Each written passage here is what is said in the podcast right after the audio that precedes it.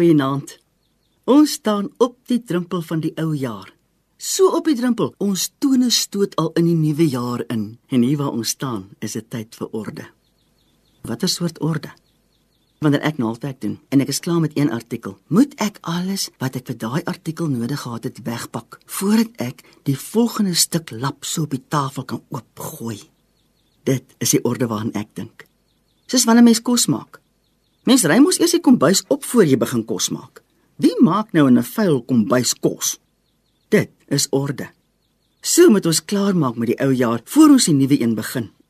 Maar wat sou die draer wees van die orde in die proses wat tussen twee jare lê? Ek dink dis waarheid.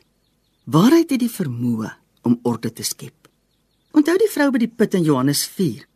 Sy het voorgegee om te weet wie sy nie was nie, maar Jesus het deur haar gesien en van gesê: "Jy het reg gesê, ek het nie 'n man nie, want jy het 5 mans gehad en die een wat jy nou het, is nie jou man nie." Dit het jy met waarheid gesê. Johannes 8:32 verwys ook na waarheid. Dit sê die waarheid sal julle vrymaak.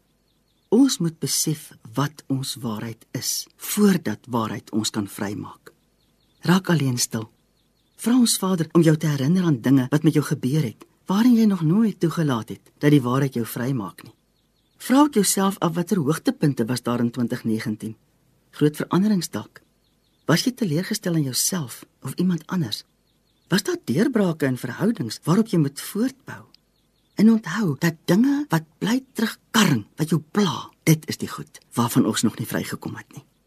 Om die ou jaar behoorlik af te sluit, het ons waarheid nodig. Ons Vader is so getrou. Dink jou ou jaar saam met hom deur. Vra dan ook of daar iets is wat hy wil vir jou gee vir die nuwe jaar. Stap die ou jaar saam met hom uit en die nuwe jaar saam met hom in. Vader baie dankie dat ons net 'n oomblik kan stil word en erken dat U wat alles weet, die enigste een is om ons te begelei uit die ou jaar uit deur orde in die nuwe jaar in. Ons vra dit in die naam van Jesus. Amen.